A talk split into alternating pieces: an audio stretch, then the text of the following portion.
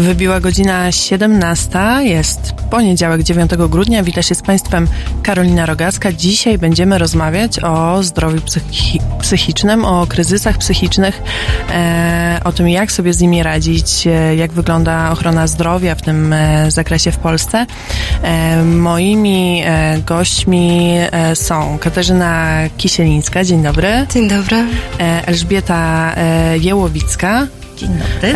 I został z nami w, studiu Wojtek Krzyżaniak, gość niespodziewany, ale bardzo serdecznie witany. Zapraszam. Jako przykład będę tu służył za, za yy, doświadczalny albo wzór jakichś właśnie wszystkich możliwych zaburzeń psychicznych. Zapraszamy do słuchania.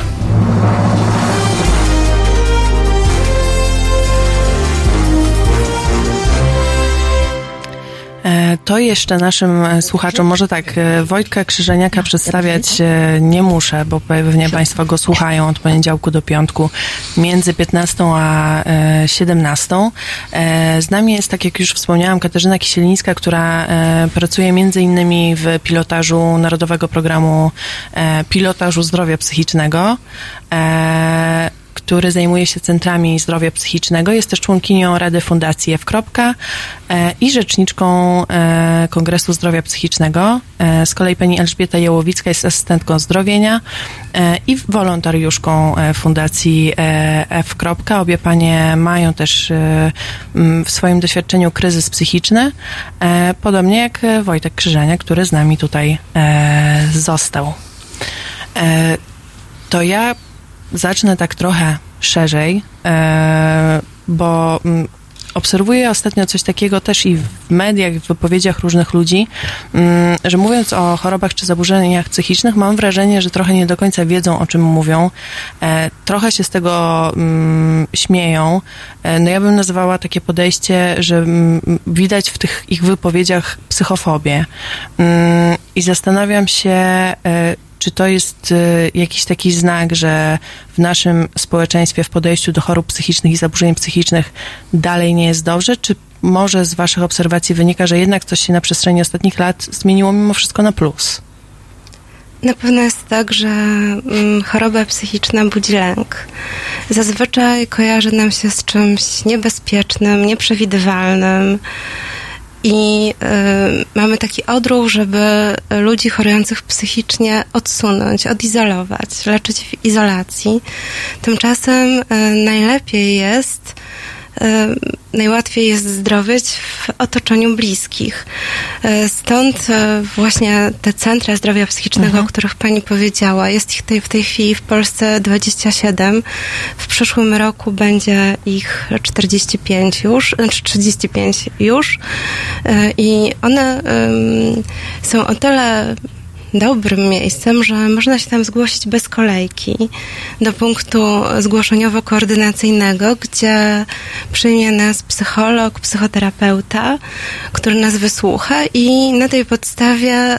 Um, opracuje dla nas plan leczenia. Jeżeli przypadek, z którym się zgłaszamy, jest pilny, na przykład taka ciężka depresja, myśli samobójcze, to pomoc musi ruszyć minimum w ciągu 72 godzin. E, w tym czasie właśnie możemy trafić do psychiatry.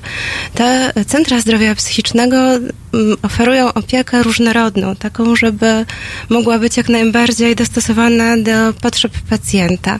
Może to być oddział dzienny, na mhm. którym pacjent przebywa od rana do południa i wraca po zajęciach terapeutycznych do domu.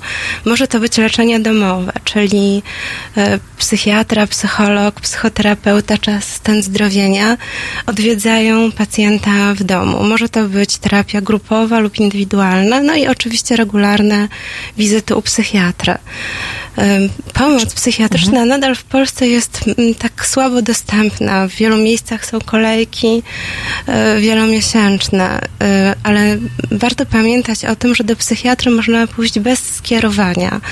Można się zgłosić po prostu wejść, przyjść z ulicy i e, być zbadanym. Psychoterapeuta może nam dać skierowanie na psychoterapię.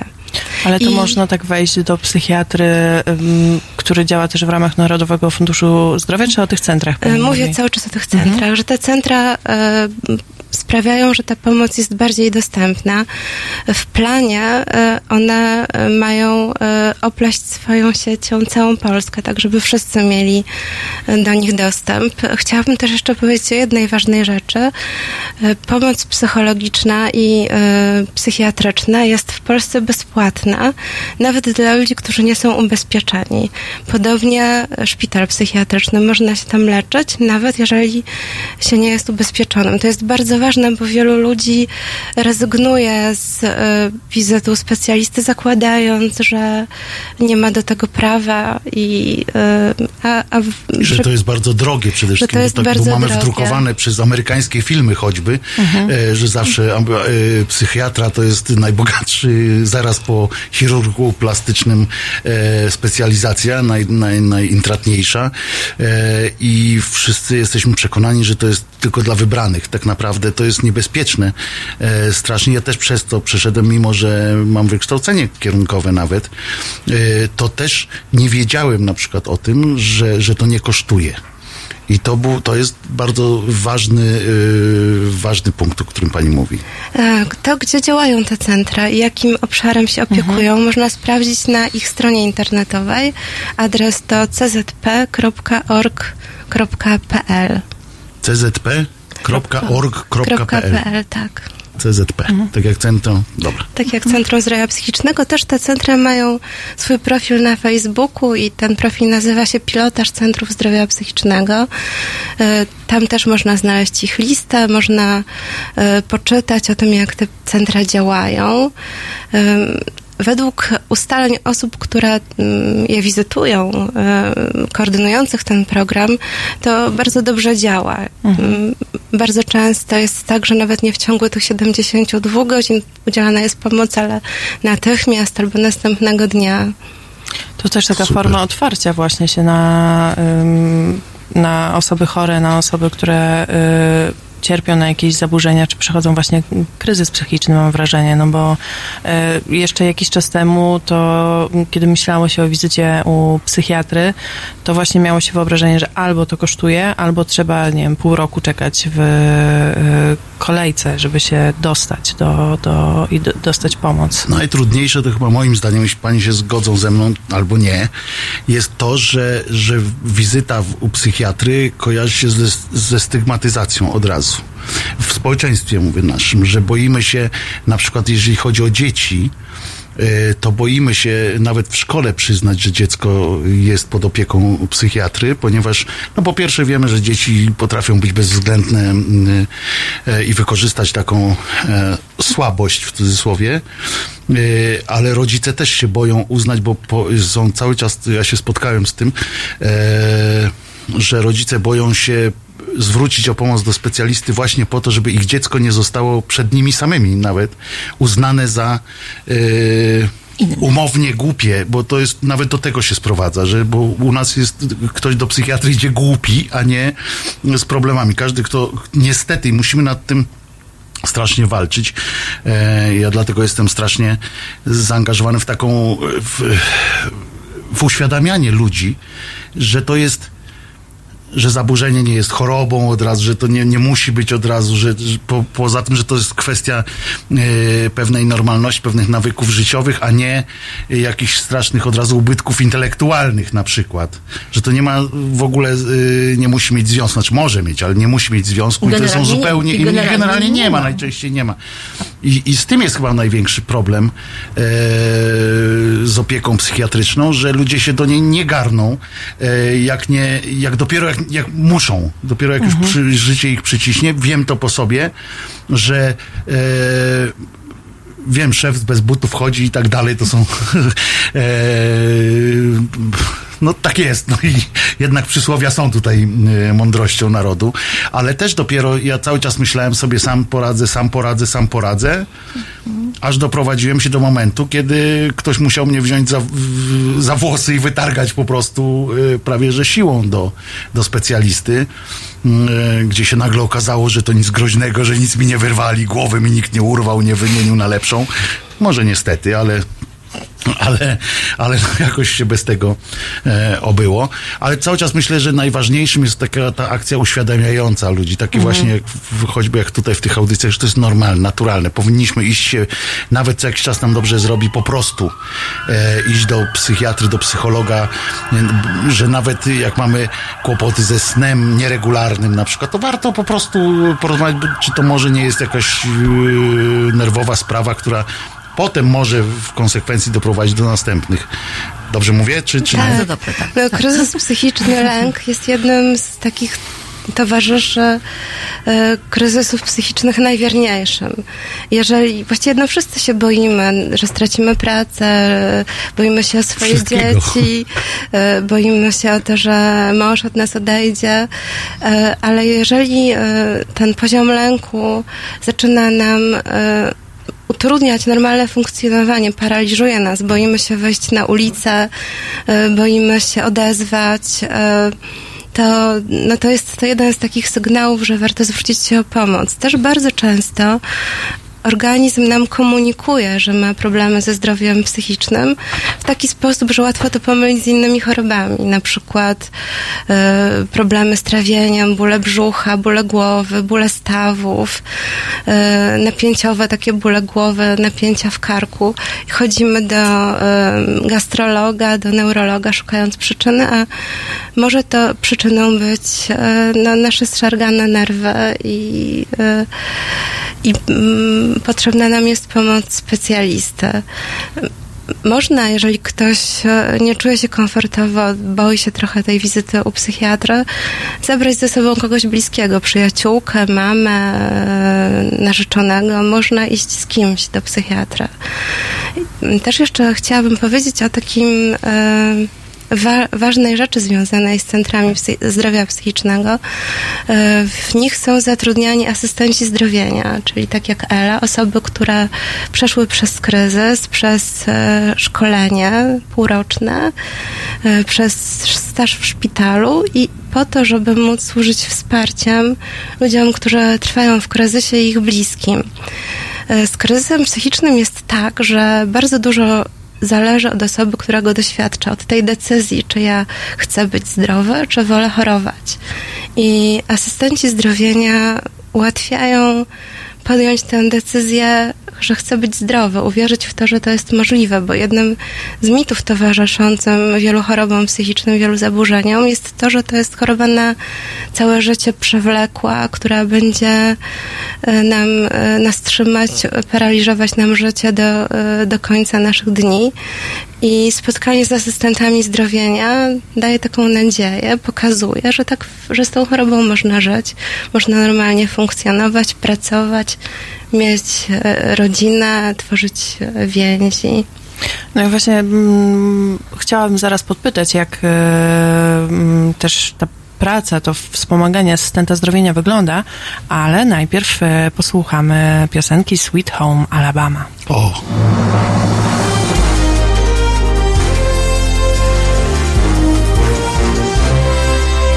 Dzień dobry, nazywam się Kuba Wątły. Jestem pomysłodawcą projektu Halo Radia, pierwszego w Polsce w pełni profesjonalnego medium dla obywateli. Dla niektórych z Państwa jestem też ojcem dyrektorem, chyba dlatego, że czasami udzielam się w naszych programach nagle i z zaskoczenia. I dobrze, wszak dobre toruńskie wzorce są zawsze w cenie, no poza tym jednym. Pan Rydzyk gromadzi pieniądze, by nas dzielić i z czasem doprowadzić do wojny domowej na tle religijnym. My prosimy natomiast Państwa o wsparcie, by móc z Wami rozmawiać, by wspólnie się uczyć, by tolerancję zastąpiła akceptacja. Zauważyliście, jak różne są te dwa słowa? Akceptujmy siebie i akceptujmy to, że po 30 latach, od 1989 roku, tylko dzięki państwu możemy tworzyć medium bez udziału polityków i nie na pasku korporacji. Pamiętajcie o nas codziennie i jeśli chcecie być częścią naszej społeczności, to słuchajcie, oglądajcie, piszcie, mówcie i finansujcie swój obywatelski projekt Halo Radia www.halo.radio ukośnik SOS. Dziękuję w imieniu wszystkich dziennikarzy i swoim własnym.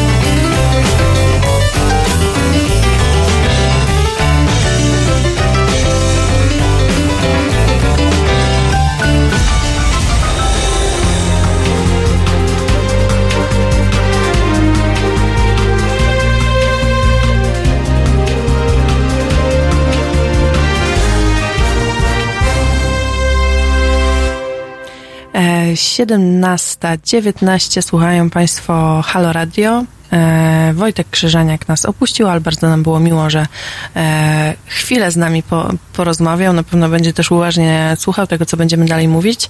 Mm, a ja chciałam właśnie popytać o tą funkcję e, asystenta zdrowienia. Na, na czym to polega? Co się właściwie robi? Asystent zdrowienia to jest prawie nowy zawód. Mhm. Jeszcze nie ma kwalifikacji zawodowych, ale one są w trakcie dziania się i prawdopodobnie to, te, te działania skończą się sukcesem. Więc mimo, że jeszcze formalnie nie jest to zawód, to pracujemy w takim, w takim charakterze.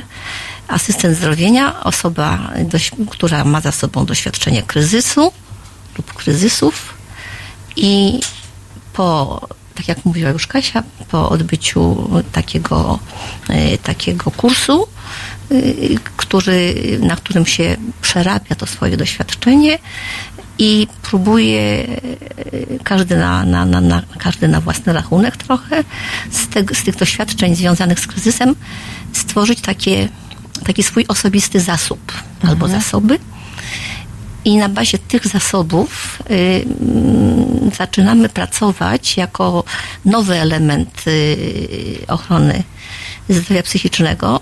I jesteśmy taką, takim pomostem pomiędzy osobami, które doświadczają tych kryzysów, a profesjonalistami, czyli osobami, które od dawna niosą mhm. pomoc, czyli psychiatrzy, psycholodzy, terapeuci, wszyscy ci, którzy do tej pory byli włączeni w system opieki, i, a my do nich dołączamy. Przy czym y, bardziej staje, staramy się być rzecznikami potrzeb y, osób chorujących, właśnie dlatego, że możemy, że możemy z nimi taki, taki wspólny mianownik znaleźć, mhm. a jednocześnie odwołując się do własnych doświadczeń, możemy, możemy taką inną pomocą służyć niż y, właśnie lekarz, psycholog, którzy tę pomoc niosą na bazie swojego mm, profesjonalnego takiego, takiego, doświadczenia. takiego, takiego doświadczenia wynikającego z edukacji. Mhm.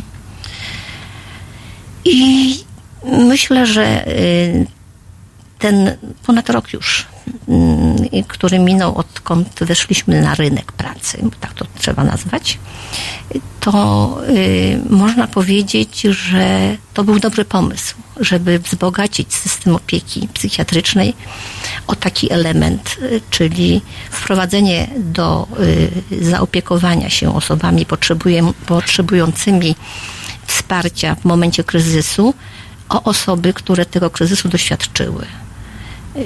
Bo to już nie tylko okazja, żeby opowiedzieć o własnych doświadczeniach, na przykład mm, wynikających y, z kontaktów ze, ze, ze, służbą zdrowia w tym takim systemie, który do tej pory obowiązywał, a teraz to się zmienia, ale zmienia się nie tak szybko.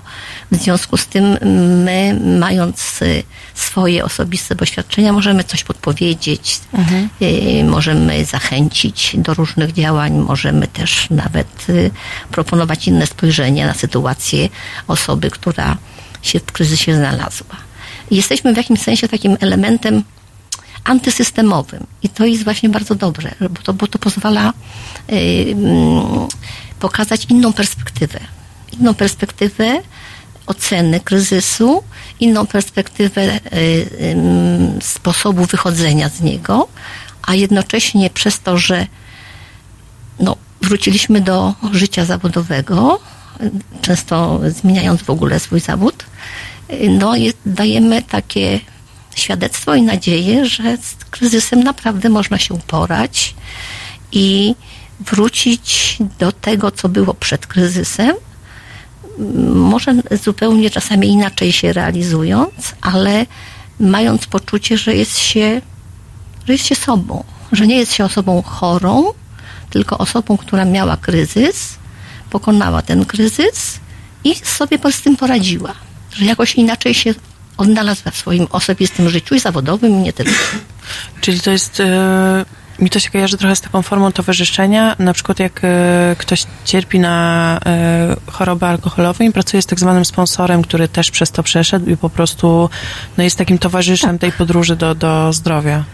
No, na, na pewno jest dużo analogii, mhm. ponieważ y, ten właśnie wspólny mianownik, którym jest to że się doświadczyło czegoś, tak? Czy jest to, czy tym doświadczeniem jest uzależnienie od y, alkoholu, narkotyków, czy doświadczeniem jest y, przejście przez kryzys psychiczny, to jest właśnie takie bardzo to jest, taki, to, jest taka wartość dodatkowa, której nie wniesie nikt inny mhm. poza osobą, która doświadczyła czegoś. Mhm. To nie musi być kryzys. W ogóle zawsze ktoś, kto coś, ktoś, kto przeżył coś konkretnego, niezależnie od tego, w jakiej sferze życia to się dzieje, no, jest bardzo wiarygodny. Jest dużo bardziej wiarygodny niż lekarz, który o tym opowiada, tak? Właśnie, a jakie, bo, bo wspomniała też Pani o mm, tym takim powrocie do siebie. No i wyobrażam sobie, że osoby chorujące mają często lęk, że jakby mm, ta choroba w jakiś taki nieodwracalny sposób e, zmieni e, to, jak, e, jak funkcjonują na, na co dzień, że nie będą sobą. I to jest jakiś taki jeden rodzaj z lęków. Jakie jeszcze lęki mają e, osoby przechodzące przez e, kryzys psychiczny, albo e, z jakimi lękami czy strachami panie się mierzyły? Na pewno jest tak, że mm, może być trudno osobie, która doświadcza kryzysu, zaakceptować ten swój kryzys, zaakceptować swoją diagnozę, dlatego że no, zazwyczaj e, chorujemy nagle, nagle trafiamy do szpitala, nagle dowiadujemy się, że e, na przykład jak w moim przypadku mamy schizofrenię paranoidalną, no i wtedy też z tymi wszystkimi stereotypami podchodzimy do tego. Martwimy się, że nie poradzimy sobie w życiu, że nie zaakceptują nas ludzie, że będziemy już żyć na takim marginesie. Wiele osób się poddaje i e, rzeczywiście usuwa się na bok, czyli bierze, biorą rentę, e, spędzają e, czas w domu pod opieką rodziny. Ja pamiętam, mój kryzys był bardzo burzliwy. Ja nie mówiłam, nie jadłam, nie poznawałam nikogo. Bałam się wszystkich, włącznie ze swoją rodziną.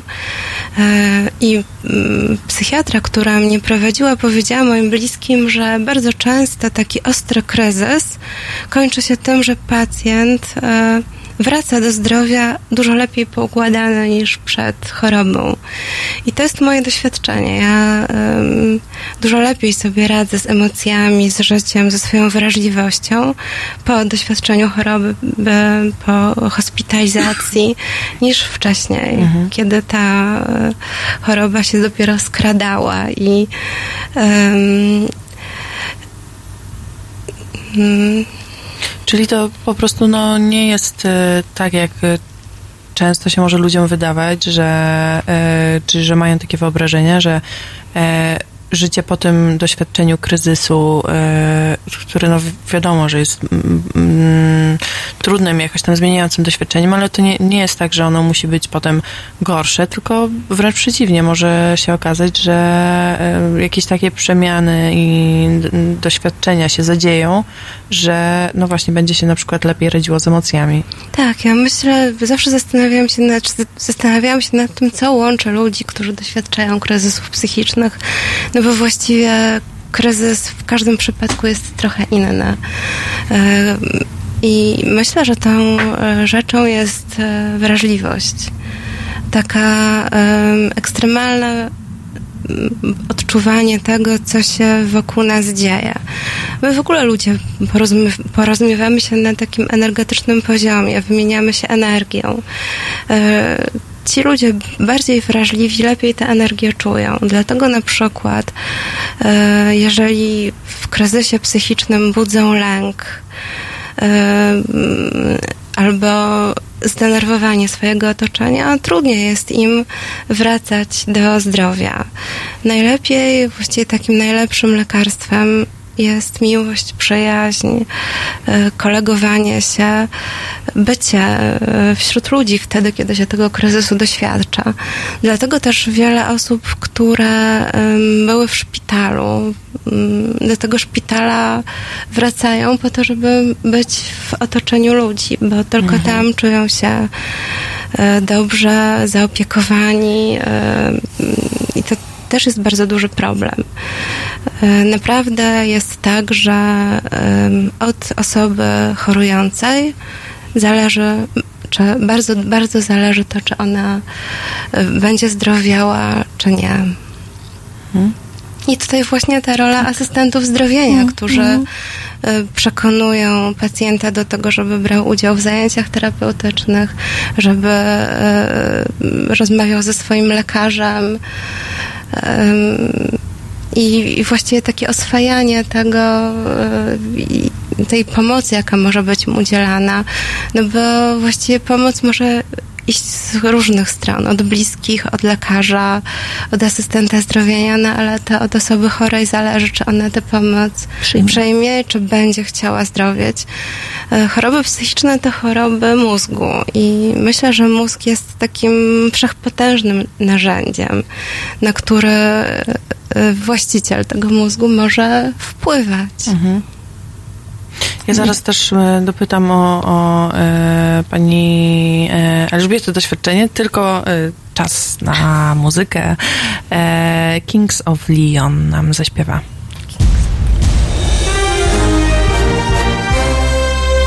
Środę. Między 17 a 19 przewodniczący Związku Zawodowego Związkowa Alternatywa Piotr Szumlewicz o prawach pracowniczych, ich łamaniu i wspólnej walce o lepsze jutro. 17-19. www.halo.radio. Słuchaj na żywo, a potem z podcastów.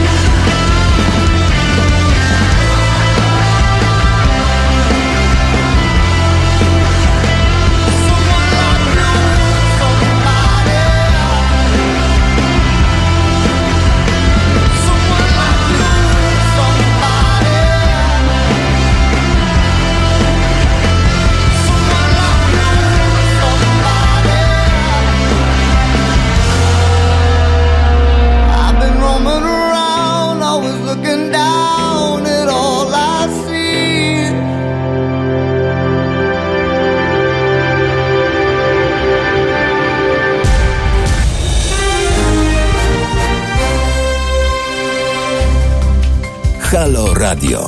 Pierwsze medium obywatelskie.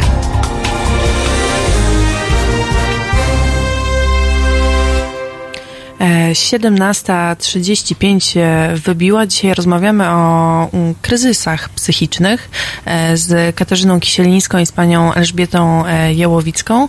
Mm, powiedziałyśmy o, o takiej też trochę oddzieleniu e, osób e, chorych psychicznie od e, reszty społeczeństwa, czyli o, takim, mm, o takiej izolacji, której się można do, doświadczyć między innymi w szpitalach psychiatrycznych. I też było ważne to, co pani powiedziała, pani Kasiu, właśnie o tym takim o tej miłości, przyjaźni, która pomaga zdrowieć. Mi się od razu przypominają, rozmawiałam kiedyś z którąś psychiatrą o tym, już teraz nie przypominam sobie nazwiska, ale w każdym razie były takie badania w, mm, o, pokazujące wskaźniki zdrowienia w krajach e, tak zwanego trzeciego świata i w tych krajach nowoczesnych, europejskich.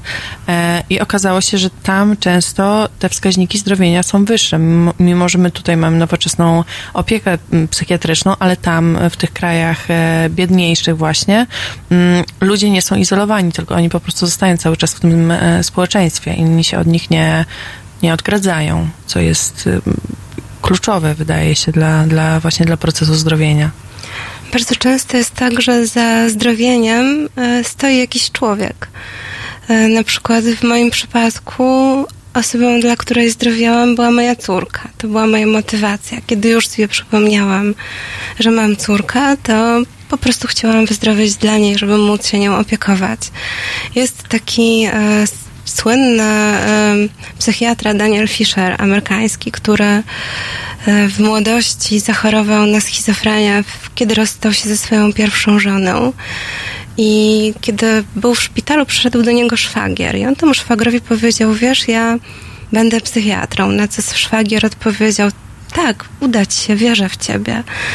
I um, no, według Freuda zdrowie psychiczne to kochać i pracować, więc ta um, obecność kochającej, bliskiej osoby, która, na której możemy polegać, na której możemy się oprzeć, jest ogromnie ważna, ale też ten aspekt pracy e, jest istotny. Praca ma ogromną terapeutyczną moc, bo w pracy się sprawdzamy, w pracy mamy zadania do wykonania, spotykamy w niej ludzi i takim e, smutne jest to, że e, po niektórych kryzysach psychicznych ludzie rezygnują z pracy lub praca rezygnuje z nich.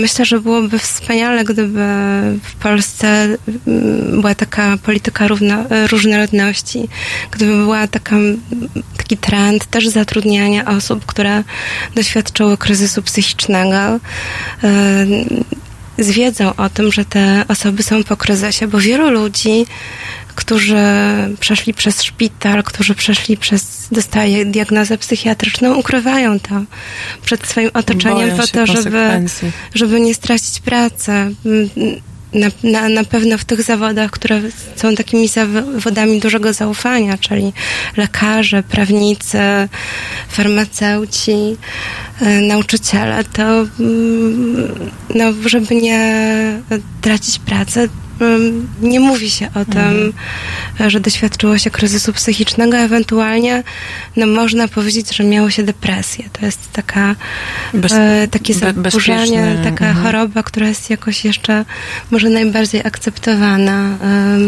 Pojęciowo, jest, bo, bo, tak naprawdę to mhm. depresja jest y, okropną chorobą, mhm. i, ale też nie ma nie ma wiedzy na ten temat. Generalnie rzecz biorąc, ludzie na hasło depresja uruchamiają taki schemat mm, wyobrażenia o tym, no to gorszy nastrój, trochę zostanie w domu, no ale tak naprawdę to, to nic takiego.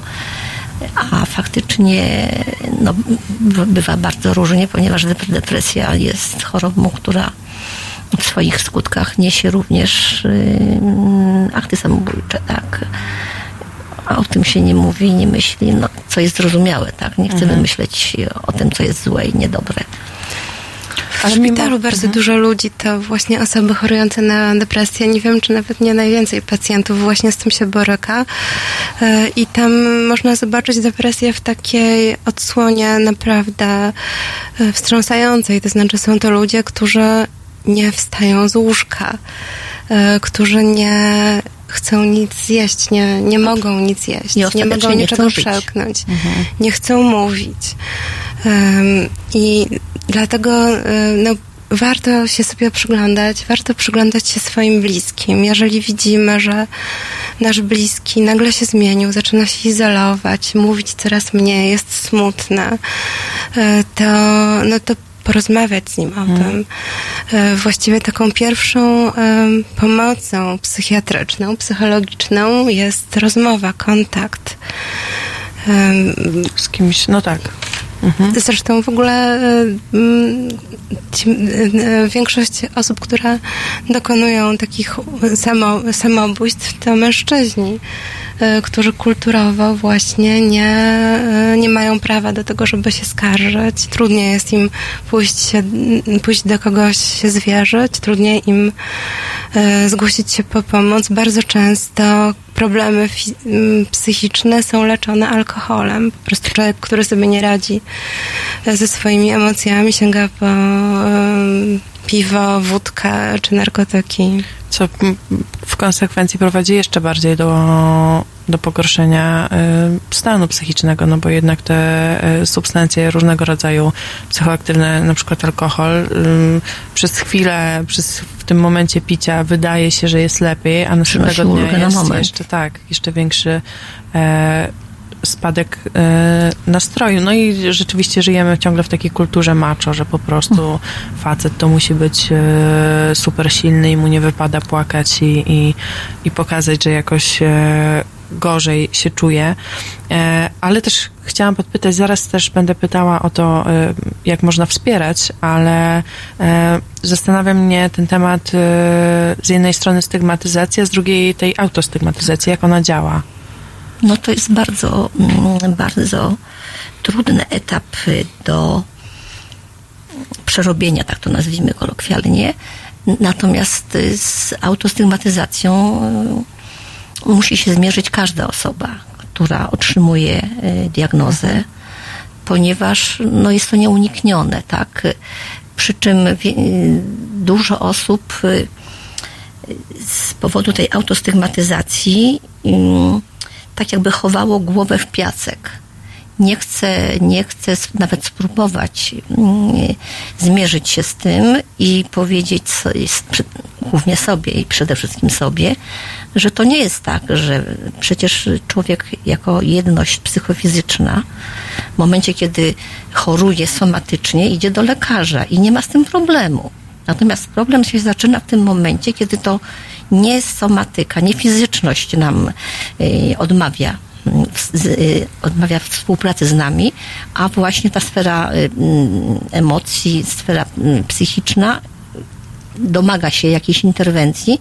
My nie chcemy tego przyjąć, ponieważ obawiamy się tego, że będziemy postrzegani jako osoby właśnie dziwne, inne, no, naznaczone tak, w jakiś, jakiś taki szczególny sposób, jednocześnie y, w odbiorze społecznym wypadający z, z rynku, tak, mhm. takiego rynku no, funkcjonowania społecznego, zawodowego, ale również rodzinnego, bo nawet najbliższe tak, że... osoby się boją kogoś takiego. To jest tak i, że sami chorzy sobie też przyklejają ten No właśnie ten... o to chodzi, że mhm. sami chorzy przejmując na siebie ten bagaż y, stereotypów y, y, społecznych i kulturowych, no jakby sami siebie piętnują.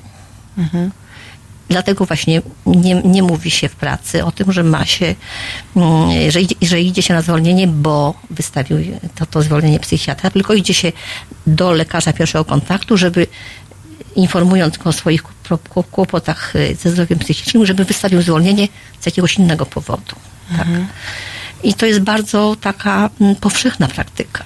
Zresztą nawet czasami sami lekarze coś takiego podpowiadają. Jeśli y, mm, osoba chorująca zgłasza od razu taki problem, tak, że ona nie chce tego zwolnienia, bo, no bo to właśnie co będzie z pracą, jak ona powie i, i czy w ogóle, i czy w ogóle można sobie z tym poradzić tak, y, tak zwyczajnie, tak? Mhm. Okazuje się, że można, tylko że no, że nie ma takich, znaczy nie, nie mamy takich doświadczeń, takich praktyk nie ma w, w naszym, społecz, w naszym społecznym życiu.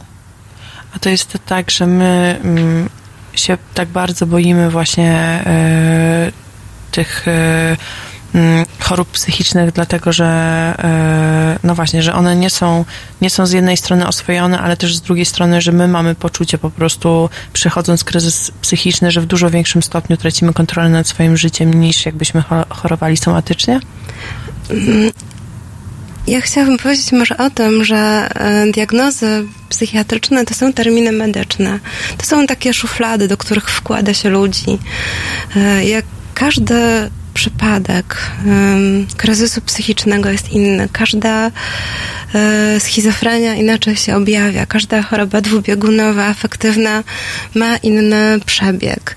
I tak e, właściwie to pacjent jest, e, przychodzi do lekarza z zestawem swoich problemów. I zadaniem lekarza we współpracy z pacjentem jest poradzenie sobie z tymi problemami. I właściwie tak e, z wszystkich swoich, e, z wszystkie swoje siostry i braci w chorobie chciałabym namówić do tego, żeby nie przywiązywali e, takiej ogromnej wagi do diagnoz, tym bardziej, że te diagnozy mogą się z biegiem czasu zmieniać. I zmieniają się. I często się zmieniają. Um. Okej. Okay. To teraz posłuchamy, drodzy Państwo, muzyki ale już za chwilę wrócimy do e, rozmowy. E, zaśpiewa nam Chris Rea.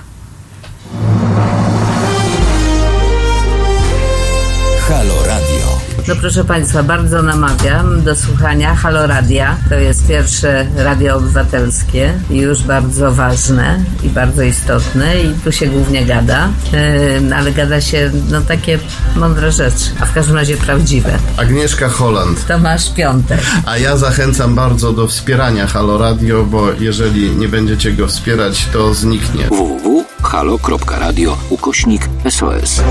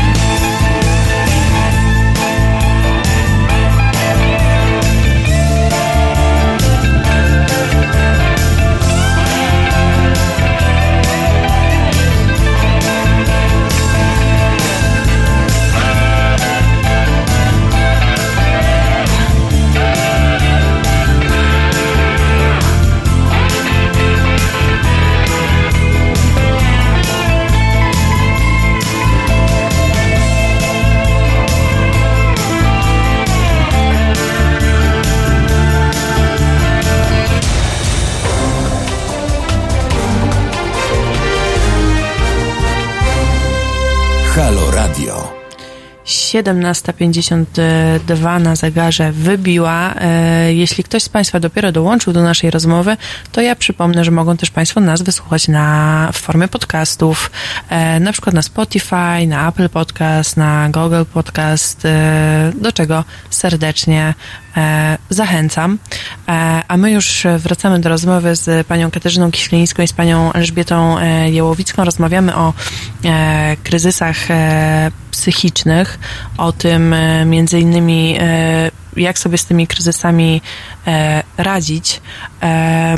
Ale został też już kilkukrotnie poruszony temat, no właśnie, tych osób dookoła, osób wspierających. Jak można wspierać osoby będące w kryzysie, kryzysie psychicznym, na, naszych bliskich, którzy, którzy, których taki kryzys dotknął? Wydaje mi się, że najważniejszym takim kluczowym słowem jest cierpliwość. Często kryzys psychiczny wymaga od bliskich tego, żeby trochę poczekali na powrót e, swojego brata, siostry czy żony do takiego dobrego, stabilnego stanu. E, tu często nie, nie dzieje się to szybko. Jeżeli no, ktoś z naszych bliskich trafia do szpitala psychiatrycznego, no to trudno założyć, że już następnego dnia będzie dużo lepiej.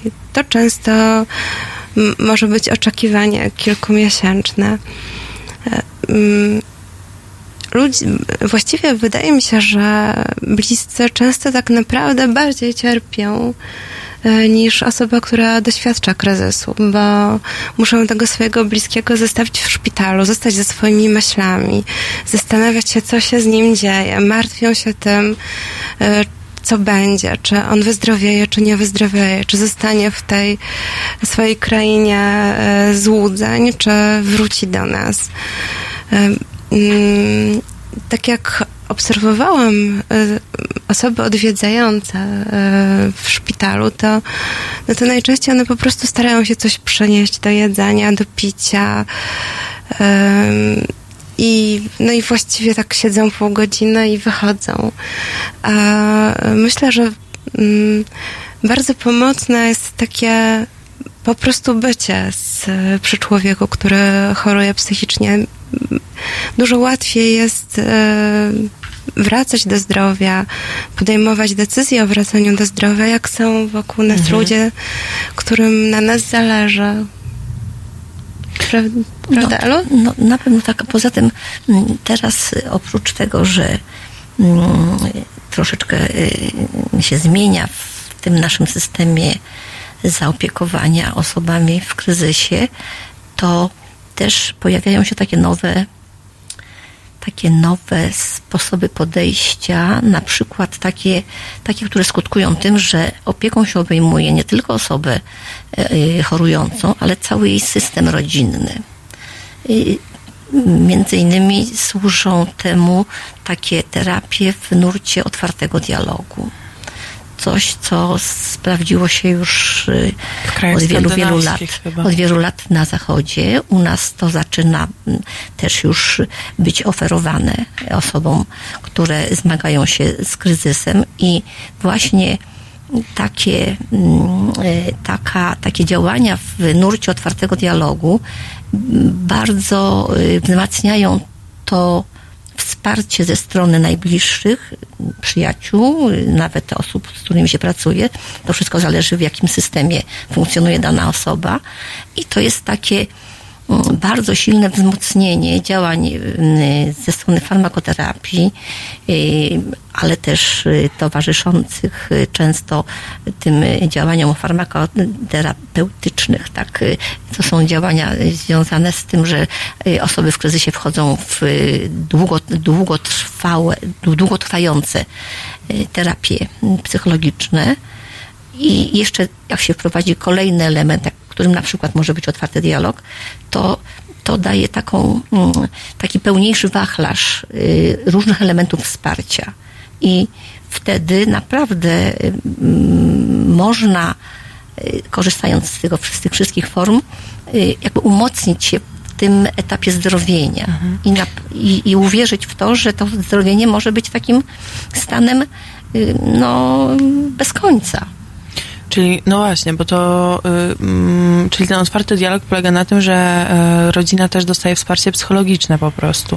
To polega na tym, że y, grupa złożona z na przykład psychiatry, psychoterapeuty, terapeuty zajęciowego i asystenta zdrowienia przyjeżdża do domu i siada przy stole z rodziną i z osobą, która na przykład doświadcza psychozy i po prostu zaczynają rozmawiać. Każda z nich um, ma takie samo prawo do głosu e, i mm, w czasie tej rozmowy można sprawdzić, zbadać, co jest problemem tej rodziny, co jest problemem tej osoby, która doświadcza kryzysu. E, można wspólnie w tej rozmowie ją wesprzeć. Ona wtedy dostaje na wsparcie i od rodziny, i od specjalistów. Rodzina dostaje wsparcie od specjalistów, a specjaliści wiedzą, e, co się w tym domu dzieje, co się dzieje z tą osobą.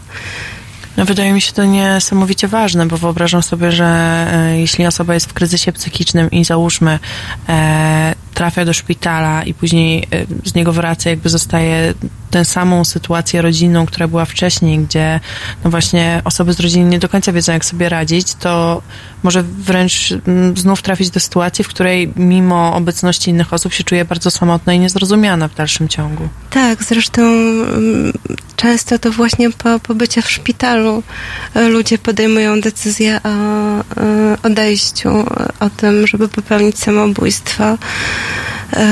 Więc ja myślę, że to ten powrót jest dla nich tak trudny po prostu. Powrót jest trudny.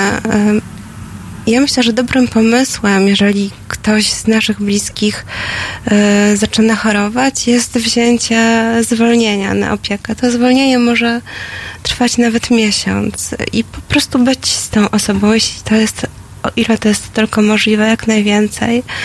E, człowiek w psychozie wcale nie musi trafić do szpitala, może zostać w domu, jeżeli tam e, ma zapewnioną opiekę rodziny.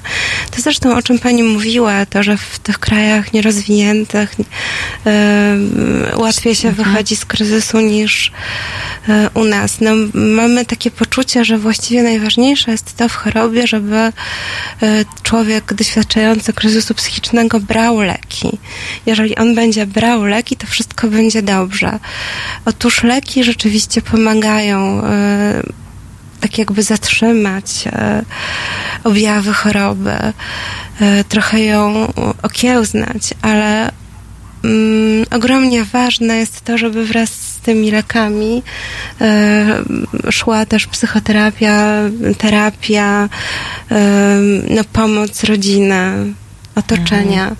Ja, jak pani na początku powiedziała, my jesteśmy z fundacji F. To jest taka fundacja, która skupia głównie osoby, które doświadczyły kryzysu. I ostatnio um, zadzwoniono do nas, pani zadzwoniła z jakiejś firmy, która powiedziała, że um, jedna z jej pracownic zachorowała psychicznie, trafiła do szpitala i ona chciałaby zapytać, czy my, wolontariusze z F kropki możemy przejść do nich, do firmy i porozmawiać z pracownikami o tym kryzysie, porozmawiać o tym, jak mają wspierać tę panią, kiedy do nich wróci, jak sami mają o siebie zadbać i myślę, że to yy, to jest też taki znak, że trochę się to podejście do osób chorujących psychicznie zmienia. Warto mieć świadomość, że według statystyk co czwarte z nas w swoim życiu przeżyje e, kryzys psychiczny lub go przeżył. To nie jest e, coś, co jest zarezerwowane dla wybranych, to jest coś, co jest e, bardzo powszechne. bardzo powszechne, tylko te kryzysy po prostu są różne. To może być wypalenie zawodowe, e, to mogą być jak, e, napady paniki, to mogą być no, takie stany depresyjne, które uniemożliwiają nam funkcjonowanie. Kryzys psychiczny może być efektem jakiegoś silnego przeżycia, na przykład odejścia kogoś bliskiego albo stresującej sytuacji, na przykład zdawania egzaminów na studia. Bardzo często to właśnie wtedy, na studiach, kiedy zaczynamy e, tworzyć jakieś ważne dla nas relacje partnerskie, kiedy zaczynamy sprawdzać, czy, no, mamy takie sesje, że nie dosypiamy, zdajemy egzaminy, to właśnie często wtedy e, jest pierwszy kryzys psychiczny. Jednym z takich też mitów e, związanych z kryzysem psychicznym jest to, że jest on dziedziczny. Że jeżeli tam babcia chorowała na schizofrenię, to wnuczka ma e, dużo większe prawdopodobieństwo, że też zachoruje dziedziczona jest skłonność do choroby. E, I jeżeli widzimy, że mamy dużą wrażliwość, że ktoś w naszej rodzinie chorował, no to musimy na pewne rzeczy uważać, na przykład na alkohol i narkotyki, które bardzo często są starterem e, kryzysu psychicznego. E, także dopalacze. Dużo osób w szpitalach to ludzie, którzy wzięli dopalacze i ich głowa po prostu wyruszyła w podróż mhm. niekontrolowaną. Nie, nie, nie wrócili do końca tak naprawdę. No, z której pomagają im wraca, wrócić lekarze mhm. na oddziale. E, zaraz właśnie też o taką higienę psychiczną, którą możemy na co dzień e, my wszyscy stosować i która jest e, ważna w ramach takiej profilaktyki po prostu e, kryzysów psychicznych. E, porozmawiamy, a teraz us usłyszymy Shiny Happy People.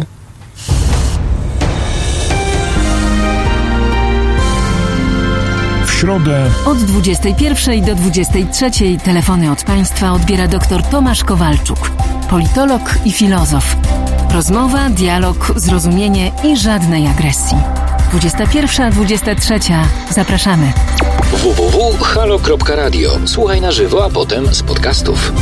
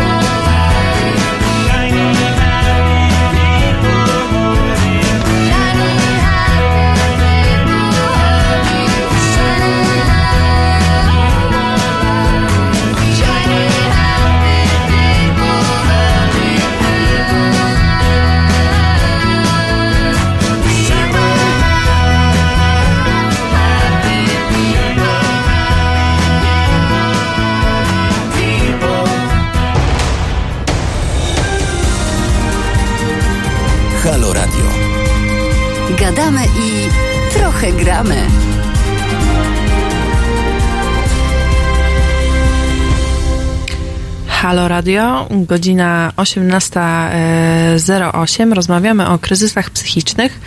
E, I teraz będziemy się zastanawiać nad tym, jak e, można dbać o te, o te swoje zdrowie psychiczne i co jest e, co jest ważne, żeby, no bo już us, e, ustaliłyśmy tutaj, że e, można mieć pewną skłonność, e, jeśli ktoś w rodzinie kiedyś chorował, ale to nie, nie oznacza od razu, że my też zachorujemy, bo, mo, bo możemy po prostu dbać o te swoje zdrowie psychiczne na różne sposoby.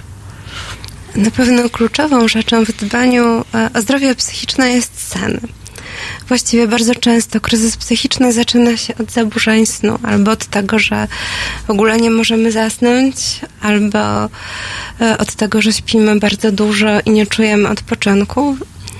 E, więc no, warto sobie narzucić taki e, rygor, że jednak śpimy najlepiej ze, na dwie godziny przed północą już leżeć w łóżku i spróbować zasnąć. Drugą rzeczą, o którą trzeba dbać, jest regularne jedzenie. I w ogóle też właściwie dieta, którą stosujemy, bo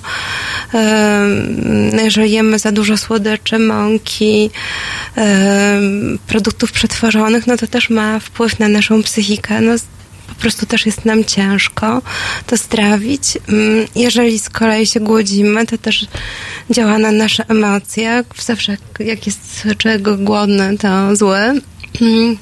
To prawda, znam to z doświadczenia. Bardzo dobrze. Mm, no, warto sobie nawet coś nosić zawsze do jedzenia, przy sobie, nie wiem, kefir albo jabłko. I e, też ważną rzeczą w dbaniu o zdrowie psychiczne jest dbanie o więzi z ludźmi, o relacje z ludźmi, o to, żeby mieć jakichś bliskich sobie e, ludzi, z którymi możemy porozmawiać, spędzić czas. Takim naszym warto pamiętać, że właściwie takim naszym piekłem, które sobie robimy, często są nasze myśli. E, to, że martwimy się tym, co będzie, albo martwimy się tym, co było. Takie często dopadają nas gonitwe myśli przed snem. Przypominamy sobie o wszystkim, czego nie zrobiliśmy i co jakoś tam nam zagraża, nie zapłaciliśmy za coś, e, albo e, nie, nie, nie zrobiliśmy czegoś dobrze w pracy i sobie to przypominamy wieczorami i analizujemy. No więc ze swoimi myślami warto toczyć walkę. E, taką, takim modnym sposobem na to, żeby uczyć się mm, być tu i teraz jest mindfulness. Jest mnóstwo mhm. takich warsztatów poświęconych e, temu, żeby człowiek nauczył się być tu i teraz, myśleć o tym, co się dzieje w tej chwili. No i też e, bardzo dobre są techniki oddechowe wielu z nas mm, zbyt płytko oddycha. E, I mm, no to też sprzyja takim stanom rękowym. Właściwie możemy mieć ataki paniki właśnie mhm. dlatego, że źle oddychamy. Więc warto się uczyć oddychać e, głębiej, wolniej, um, uspokajać się oddechem, kiedy dzieje się coś trudnego, kiedy jesteśmy zdenerwowani. Właściwie takim najprostszym sposobem na sytuację, w której nie mamy pustkę w, w głowie, e, nerwy szaleją, jest e, zamknięcie na chwilę oczu, na moment i od razu trochę łatwiej nam się um, opanować. Myślę, że to jest... No ja bym do tego mhm. dodała, do tych wszystkich sposobów y, zadbania o własną kondycję psychiczną, ja bym dodała, jak, że bardzo ważne jest to, żebyśmy mm, zadbali o, was, o aktywność fizyczną. Po prostu człowiek, który się nie rusza, którymś momencie może poczuć coś takiego, no ja chyba nie żyję, ponieważ y, tą, tę energię dla ciała, ale też właśnie dla własnych myśli, dostarczamy wtedy, kiedy pójdziemy na spacer, najprostsza forma, pobiegamy, pojeździmy na rowerze, pójdziemy, mm, no właśnie, zażyjemy jakiejkolwiek formy aktywności fizycznej, to jest bardzo ważne. Ludzie, którzy się nie ruszają, no, narażają swoją kondycję psychofizyczną na odszwank. Mhm. A my, a w naszym społeczeństwie nie ma takich y, nawyków. Naprawdę niewiele osób ma świadomość tego, jak to jest bardzo ważne i jak to wiele dobrego może zrobić, a przy zaniechaniu tych działań, jak wiele złego możemy sobie sami zafundować. Ja to też e, nawet zaobserwowałam na mm, własnym doświadczeniu. Miałam złamany palec u stopy i e, no, przez długi czas po prostu no, nie ruszałam się za bardzo, bo to było utrudnione, nie, niewskazane za bardzo. E, i widziałam, że nastrój, że mhm. bardzo mi spadł. Pewnie. I też później powrót z tego stanu, kiedyś tyle czasu jakby po prostu leżało albo siedziało i niewiele więcej robiło, do tej aktywności jest trudne, ale kiedy już się to zrobi, to zarazem się obserwuje, że rzeczywiście człowiek zaczyna się lepiej czuć psychicznie. Ale nie tylko aktywność, ale również kontakt z naturą, czyli mhm. właśnie parę godzin y, spędzonych w lesie w czasie weekendu no jeśli, jeśli w tym lesie będąc jeszcze troszkę sobie właśnie dodatkowo mm, e, e, pobiegamy, czy pójdziemy z kijkami, czy, czy nawet, nawet tylko i wyłącznie spacerując, to jest bardzo, to jest ba, to jest, to w ogóle no, nie ma, nie ma mm, e, takiego działania zastępczego. Po mhm. prostu to jest niezbędne. Mhm. Zresztą jak, jak yy, ludzie w, często się organizują w grupy z tego powodu, żeby właśnie zmobilizować się do tej aktywności. To potem, jak się dzielą wrażeniami z takiego spaceru, na przykład po Puszczy Kampinowskiej, to naprawdę aż aż fajnie słuchać, tak się, tak widać, widać to po ludziach, że oni są zupełnie inni w stosunku do tego, jak przy, przyszli, bo, no, bo jakiś wysiłek musieli, yy, musieli zrobić, żeby się tam gdzieś pojawić na miejscu zbiórki. Ale potem to takie jest, yy, no właśnie takie ozdrowieńcze mhm. szalenie. Mhm. Przy naszej fundacji F. działa grupa integracyjna, która spotyka się e, o godzinie 18 co czwartek i oni co dwa tygodnie umawiają się na spacer po Puszczy Kampinoskiej, bo to rzeczywiście nie musi być nic wielkiego. E, to nie musi być maratony. No. E, zresztą taki zbyt duży wysiłek psychiczny, czy fizyczny też może być źródłem problemów. Mhm. Wszystko musi być być, mieć złoty środek, ale właśnie takie marsze 20-40 minutowe, przynajmniej trzy razy w tygodniu, to, mm, to takie minimum. Zresztą możemy po prostu część drogi swojej do pracy mm, przejść, a nie jechać komunikacją. Możemy sobie zrobić spacer, mhm. parę przystanków. Myślę, że to jest szczególnie ważne w obecnych czasach, kiedy yy no mamy i mm, telefony, i komputery, i dużo siedzimy, i dużo siedzimy, i jesteśmy oderwani od tej natury. E, ja też tutaj znowu się odwołam jakoś do swoich doświadczeń, ale widzę, że jeśli spędzę dużo czasu, na przykład e, przy komputerze albo przy telefonie, co ze względu na moją pracę jednak dość często się zdarza, to um, wieczorem, już teraz się tego nauczyłam, że po prostu siadam i ćwiczę jogę.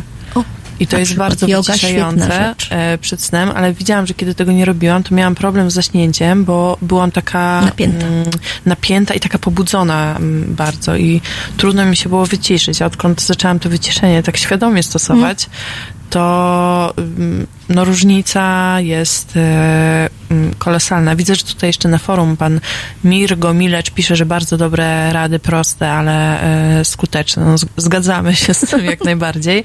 E, a teraz posłuchamy e, piosenki Upside Down i zaraz wrócimy do rozmowy.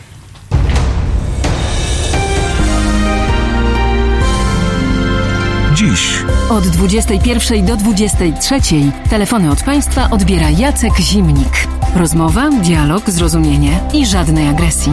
21-23. www.halo.radio. Słuchaj na żywo, a potem z podcastów.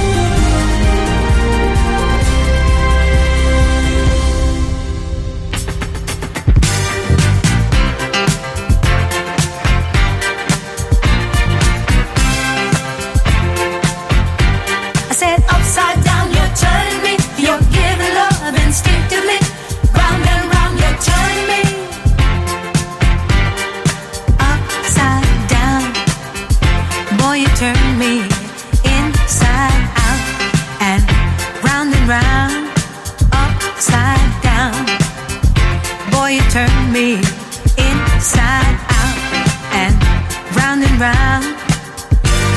Instinctively, you give to me the love that I need. I cherish the moments with you. Respectfully, I say to thee, I'm aware that you're cheating when no one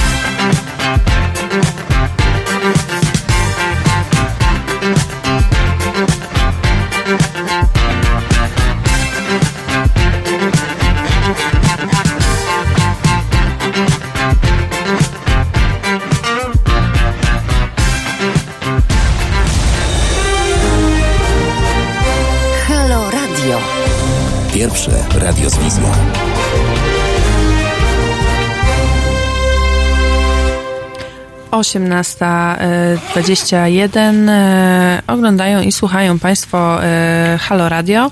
E, ja też przypomnę, że wchodząc na stronę halo.radio e, mogą Państwo nas weprz, we, weprzeć, wesprzeć.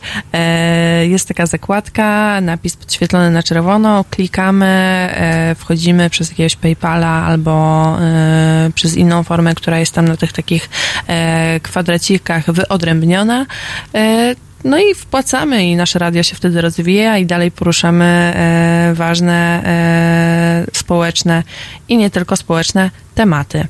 E, a wracając do, do naszego tematu, widzę, że tutaj jeden ze słuchaczy e, pisze o tym, żeby e, nie zniechęcać ludzi do podjęcia terapii lekami, tym, że mówimy o, o ruchu. No to nie, wy, to nie wyklucza właśnie, nie, nie, nie, nie wykluczamy Ja jakby też leczenia. powiem na ten temat. Mhm. Właśnie chodzi o to, że absolutnie nikt nie ma takiego zamiaru i nikt, nikomu nie, taka myśl nie przyświeca, żeby znie, zniechęcać osoby w kryzysie do stosowania farmako, farmakoterapii. To jest niezbędny etap, y, szczególnie w momentach samego kryzysu. Natomiast chodzi o to, żeby na tej farmakoterapii nie poprzestać. Że, bardzo szybko należy jeszcze uzupełnić działanie leków poprzez uruchomienie siebie w trybie terapii, czyli y, relacja terapeutyczna jako mm, taki, no, taki dodatkowy lek tylko już nie w postaci chemii, tylko w postaci rozmowy. Rozmowy z człowiekiem, y, który potrafi mm, no właśnie wzmocnić, y, wzmocnić nas w, tej, w tym kontakcie terapeutycznym poprzez y, pochylenie się nad różnymi wątkami i kryzysu, i przyczyn tego kryzysu. To jest szalenie istotne. I często potem można przy takiej skutecznej psychoterapii dojść do momentu, kiedy y, wspólnie z lekarzem i psychologiem zastanawiamy się, w jaki sposób można to, y, tę całość tak skomponować, żeby element leków nie był tym decydującym i najważniejszym. Żeby był wspierającym i na tyle istotnym, na ile powinien być. Natomiast chodzi o to, żeby w pewnym momencie oddać y, sprawę w ręce innych działań. Mhm. A jak można e, rozpoznać, że, bo, bo jakby kryzys to często no nie jest coś takiego, że nagle jednego dnia jest wszystko w porządku, a drugiego już jest nagle źle, albo że to się zmienia z godziny na godzinę po prostu, e, tylko że to jest jakiś proces, który się rozwija przez jakiś czas. Jak możemy rozpoznać, że, że ten kryzys się zbliża? E, To jest zazwyczaj e, pierwszym sygnałem są zaburzenia snu. Em, ale też e, zdarza się, że kryzys e, dopada nas nagle.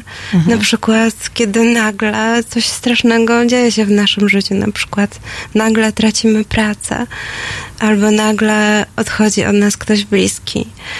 E, Więc e, różnie to może wyglądać.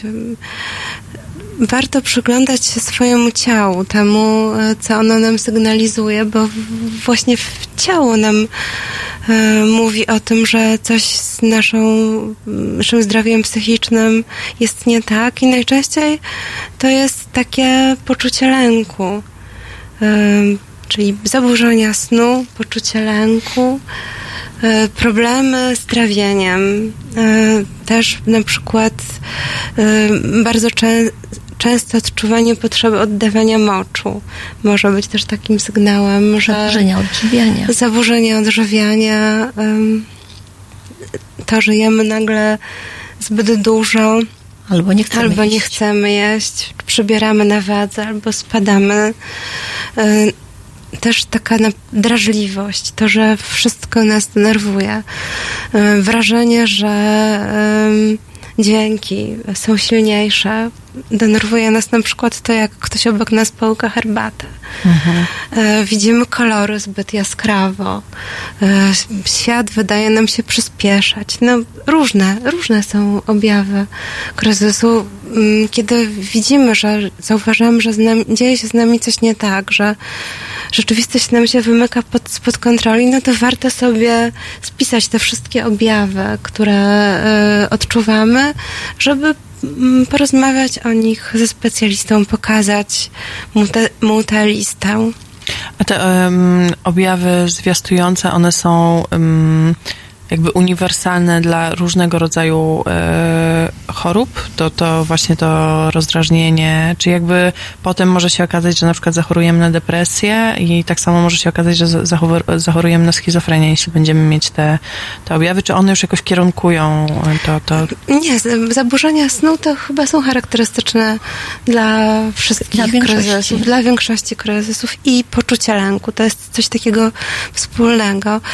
Y, Warto chyba też powiedzieć, że schizofrenia często na początku mylona jest z depresją. Objawia się tak samo, bo y, my y, kojarzymy tę chorobę z y, takimi objawami, że coś ten człowiek dziwnego widzi, słyszy, e, odczuwa, e, ale schizofrenia ma też tak zwane objawy negatywne, to znaczy, że człowiek przestaje okazywać emocje, przestaje je czuć, e, jego takie komunikowanie się z o- otoczeniu jest coraz bardziej ubogie, jest coraz, bar- coraz mniejszy jest ten kontakt i często początki schizofrenii są mylone z depresją.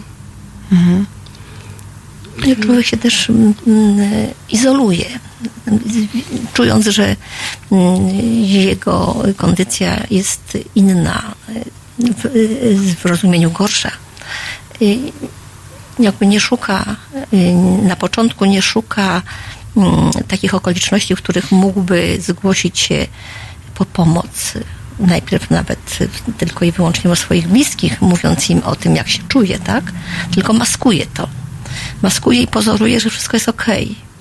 I Jeśli trwa zbyt długo, to y, może spowodować właśnie to, że ten kryzys y, objawi się w takim dużym nasileniu, czego można by było uniknąć, gdyby człowiek po prostu szczerze sam najpierw przed sobą, potem przed y, osobami, na które może liczyć, że nie wspomnę o pomocy y, fachowców, właśnie żeby o tym miał odwagę powiedzieć. Najpierw sobie.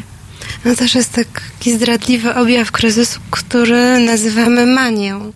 Czyli e, człowiek ma niesamowicie dużo energii. Właściwie w ogóle mógłby nie spać. E, Może e, całymi właściwie godzinami do, przez całą dobę jest czynny, jest pełen energii, sprząta po nocach, pisze wiersze po nocach. nie wiem, krą, krąży i ma mnóstwo siły. Wtedy też zresztą bardzo często ludzie na przykład e, biorą kredyty, których e, potem nie mogą spłacić i podejmują różne strategiczne decyzje, których nie podjęliby, gdyby nie ten stan manii. Ale to, to mm, czy taki stan manii u siebie samego jest równie łatwo dostrzec jak, e, jak ten stan obniżenia nastroju? Ten stan obniżenia nastroju jest czymś takim, co nam podejrzewam od samego początku w jakiś tam sposób e, Przeszkadza. przeszkadza, a a w na manii się, na manii, w manii się czujemy tacy silni właśnie i się zastanawiam, czy to nie jest tak, że przez to trochę nam trudniej zobaczyć, Mhm. że... Może być nam trudniej zobaczyć, ale myślę, że otoczenie może to e, widzieć. Ja pamiętam, że e, ja wróciłam e, ze szpitala do pracy. Pracowałam w redakcji, byłam sekretarzem redakcji i kiedy mm, zbliżał się kolejny kryzys, który zaczął się manią, to moja redaktor naczelna zadzwoniła do, do mnie do domu, do rodziny i powiedziała, że Kasia cały czas biega po piętrach. W ogóle nie może usiedzieć w miejscu, chyba jest coś z nią nie tak. Więc otoczenie też może zobaczyć, że, ym, no, że nagle zaczynamy się zachowywać inaczej. Ta mania jest widoczna. Mówimy szybciej, ruszamy się szybciej. Mamy, jesteśmy tacy nas w taki sztuczny sposób e, em, skacze nam wysoko adrenalina. I no to, to widać, że, że nasze zachowanie odbiega od normy. A jak z kolei zajrzeć mm, u kogoś bliskiego, y, że, że, że pozostanę przy tej takiej metaforze maski, pod tą maskę, no bo on, on jakby udaje, że no, wszystko jest w porządku, mm, jakby nic się nie dzieje, nie, nie opowiadają nam o tych y, trudnych doznaniach, które gdzieś tam się rozgrywają w jego głowie. Czy, czy jest jakiś e, sposób na to, mm, żeby dostrzec, że coś się dzieje, kiedy on tak bardzo próbuje się maskować, że e, i udawać, że jest wszystko w porządku? Myślę, że najlepiej jest po prostu dbać o swoje relacje, o swoich bliskich, o to, żebyśmy spędzali z nimi czas. Niestety żyjemy w e, takiej rzeczywistości, że to w pracy e, mija nam większość naszego życia i na zajmowaniu się rzeczami e, niezwiązanymi z naszą rodziną. Często widzimy ją tylko rano i wieczorem i ewentualnie w weekendy. Zauważymy, że coś jest nie tak z naszym bliskim, jeżeli będziemy mu poświęcać czas, Mhm. jeżeli będziemy go słuchać. Okej. E, Teraz e, usłyszymy piosenkę Sparks.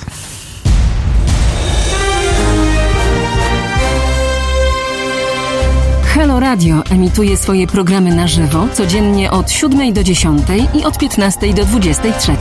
W weekendy od 11 do 23. Nocą Halo Radio gra powtórki najciekawszych programów dla naszych rodaków z oceanu. www.halo.radio. Słuchaj na żywo, a potem z podcastów.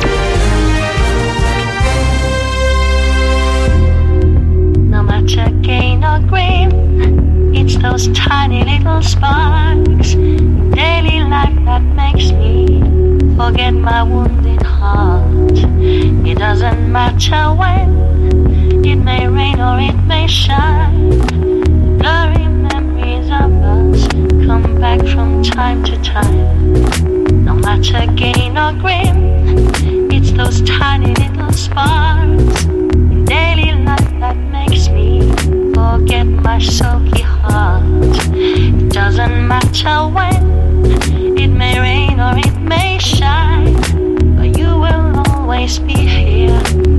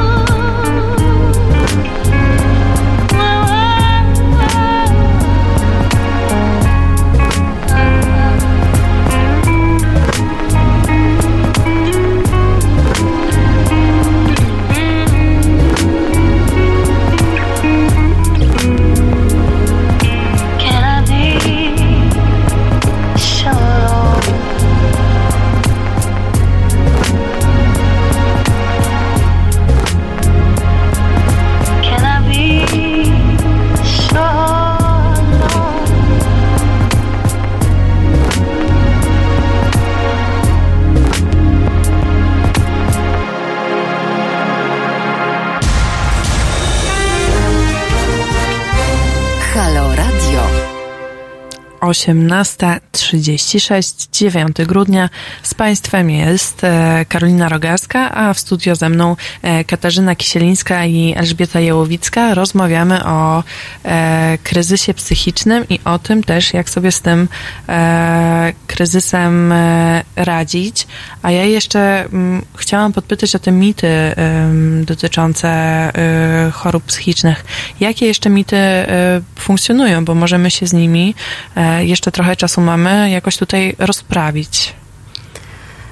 Na pewno mam taki obraz osoby chorującej psychicznie, po której widać to, że jest chora. Mówi do siebie, dziwnie się zachowuje. E, Natomiast no, choroba psychiczna bardzo często jest niewidzialna. Nie wiemy, czy nasz sąsiad, kolega z pracy, e, czy ktoś, kto obok nas stoi w autobusie, choruje psychicznie. I właściwie najczęściej no to jednak ona jest jakoś tam opanowana. My widzimy te przypadki, w których daje znać o sobie i na tej podstawie wyciągamy wnioski. Poza tym mamy taki obraz kulturowy związany z chorobami psychicznymi, z nazwami takimi pejoratywnymi osób, które chorują psychicznie.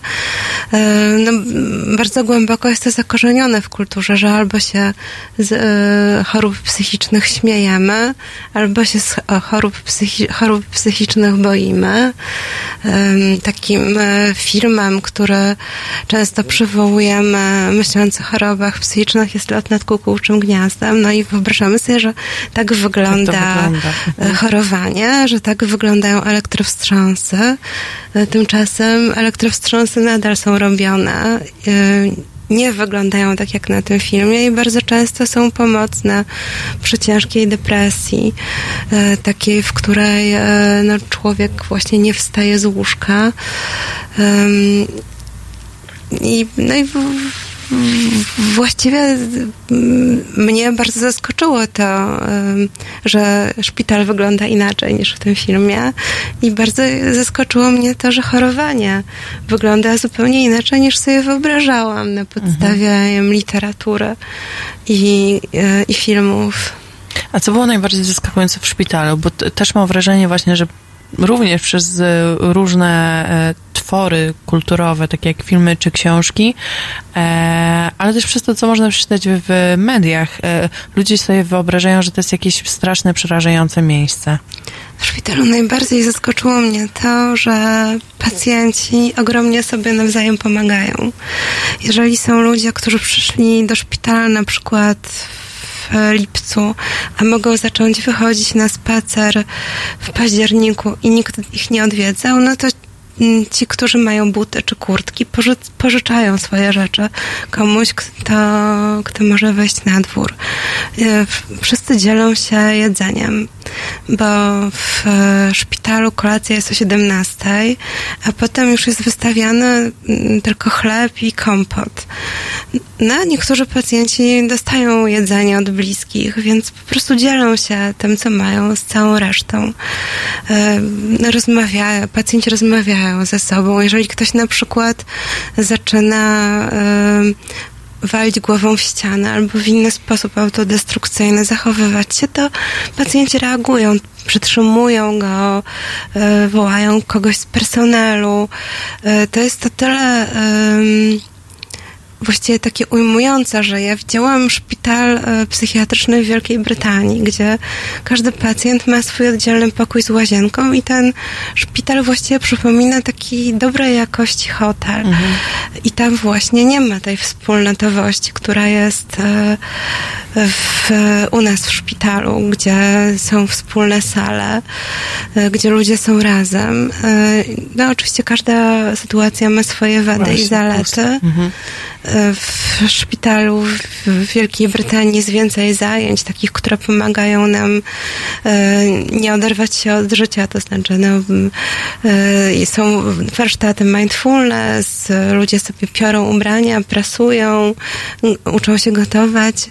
U nas trochę nie ma na takie rzeczy miejsca, no ale właśnie to mnie zdziwiło, że właściwie tam e, byłam otoczona takimi ludźmi, którzy kiedy potrzebowałam, pomagali mi, kiedy chciałam, rozmawiali ze mną.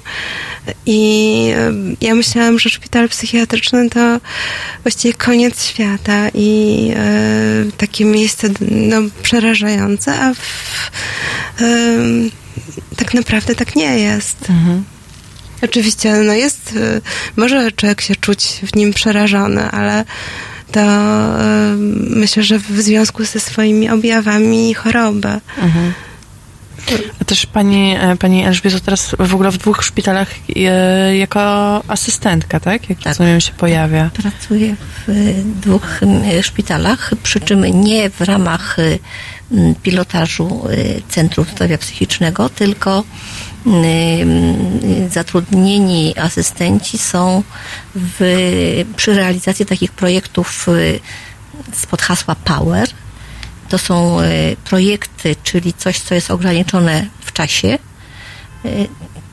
zwykle projekty mają swoje ramy czasowe. Y, y, Te powerowskie, które dotyczą zdrowia psychicznego również, to są projekty wspierane funduszami y, europejskimi.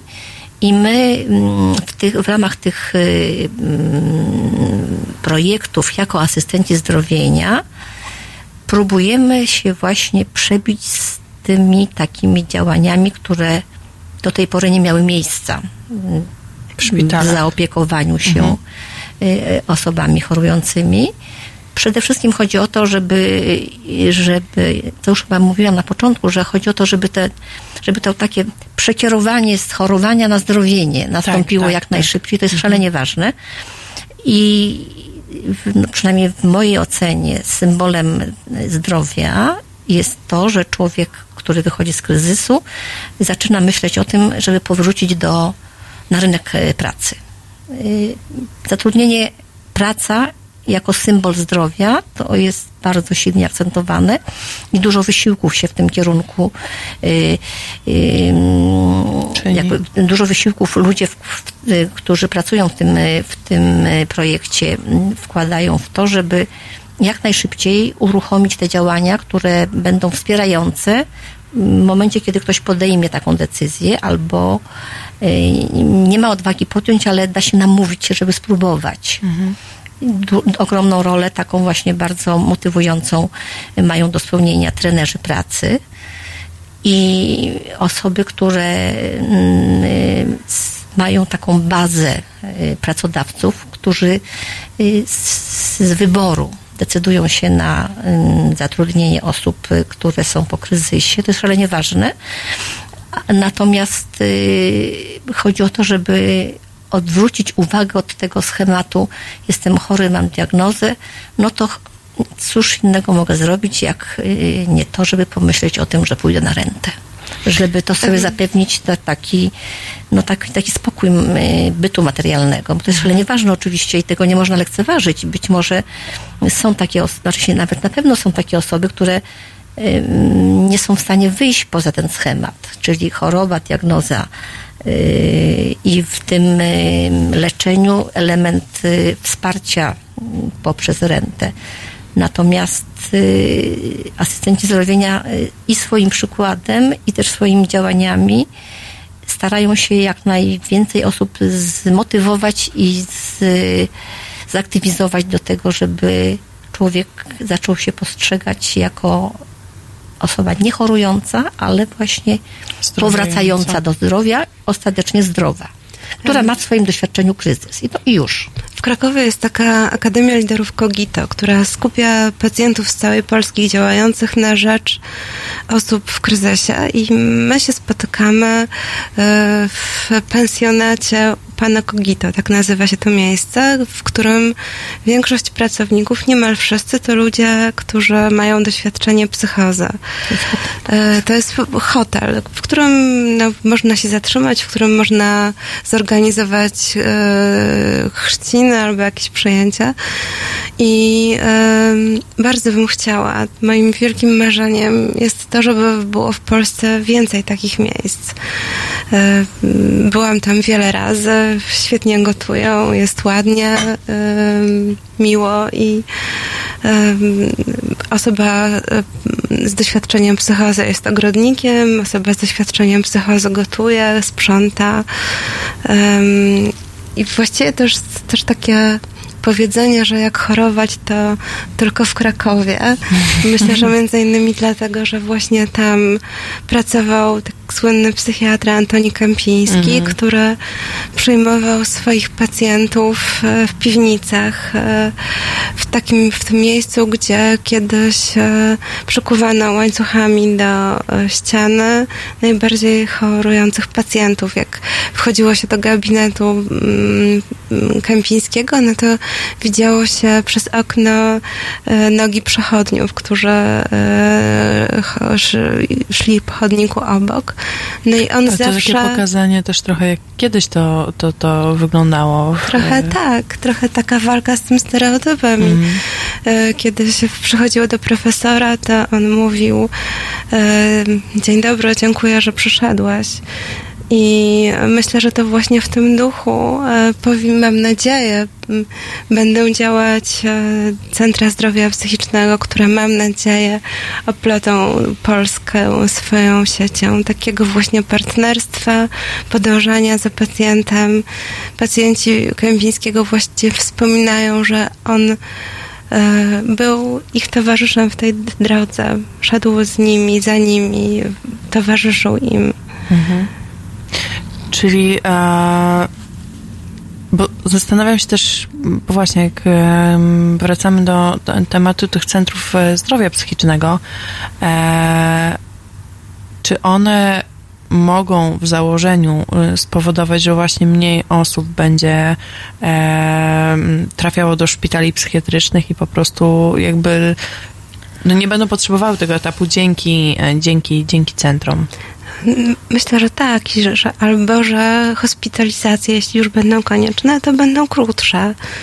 Po prostu nie będziemy osób w kryzysie odsuwać, izolować w jakimś malochu na pograniczach miasta, tylko pozwolimy im z nami zostać. I też o ile, jeżeli wcześniej się zgłosimy po pomoc, to łatwiej jest opanować kryzys, więc warto mieć taką świadomość, że no jak coś złego się z nami dzieje, nie czekajmy, bo depresja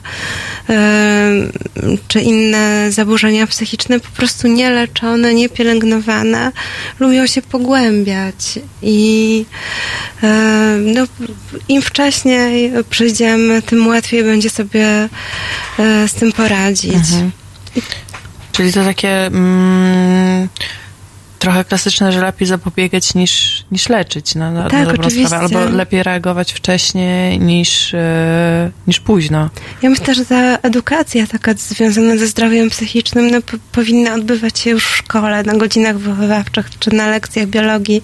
Nie mam pojęcia na jakich lekcjach, ale no, żeby człowiek uczył się i rozumiał, um, jak, jak, że jest ciałem, i mhm. też umysłem, e, że to wszystko ze sobą jest połączone, że wszystko nawzajem na siebie wpływa. Jeżeli nie dbamy o zdrowie psychiczne, odbija się to na naszym ciele. Jeżeli nie dbamy o nasze ciało, bo na przykład nie wiem, bardzo źle się odżywiamy, no to, to odbije się na naszej psychice. Wszystko, wszystko właściwie no, jest tak, takie podejście holistyczne chyba należy mieć do siebie. Mhm.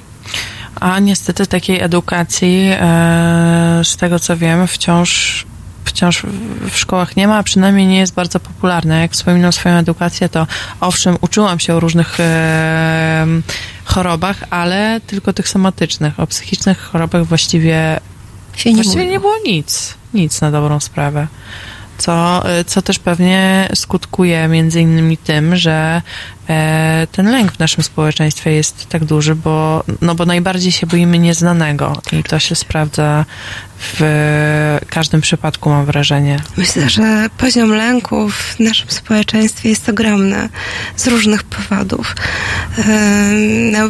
Przede wszystkim tak, takie poczucie, że wszystko jest właściwie mm, no, tylko chwilowe, nie, że tę te, te pracę tak łatwo stracić i tak wielką ona jest wartością, dla której wielu z nas poświęca zdrowie, czas yy, i no bo ona daje nam takie poczucie bezpieczeństwa. Yy, wielu z nas się martwi, że nie wystarczą pieniędzy do następnego miesiąca i mm, no, myślę, że powinniśmy lepiej o siebie dbać, właśnie robić to, o czym tutaj mówiliśmy, słuch, słuchiwać się w swój organizm, dawać sobie e, taki czas na odpoczynek. Jest też taka, że właściwie mm, Często się mówi, że wszystko zależy od naszego nastawienia. Jest takie ćwiczenie bardzo proste, które zadają psychoterapeuci. Proszą o założenie takiego dzienniczka e, pozytywnych rzeczy, do którego codziennie każdy wpisuje sobie, co dobrego go spotkało, że uśmiechnął się do mnie sąsiad, e, że udało mi się zdążyć na autobus, nawet takie bardzo proste rzeczy, tak żeby nauczyć siebie tego, żeby zauważać to, co jest pozytywne. Też właściwie e, bardzo dobrze nam robi na psychikę życzenie dobrze ludziom, którzy nas otaczają, Mhm. szukanie w nich nie wad, ale zalet.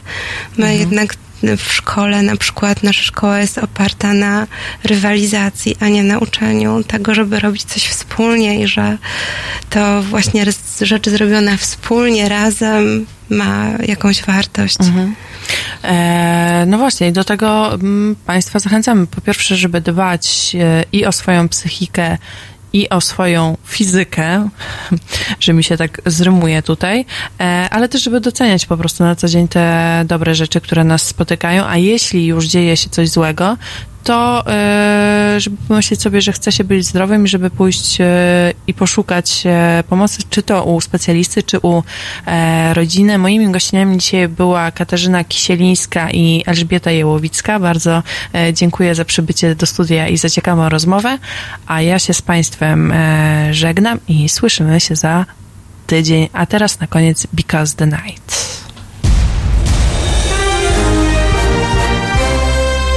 Czwartek Od 17 do 19 filozoficznie, ale bez zbędnego zadęcia. Porozmawia z Państwem Natalia Wilk-Sobczak. 17-19. www.halo.radio. Słuchaj na żywo, a potem z podcastów.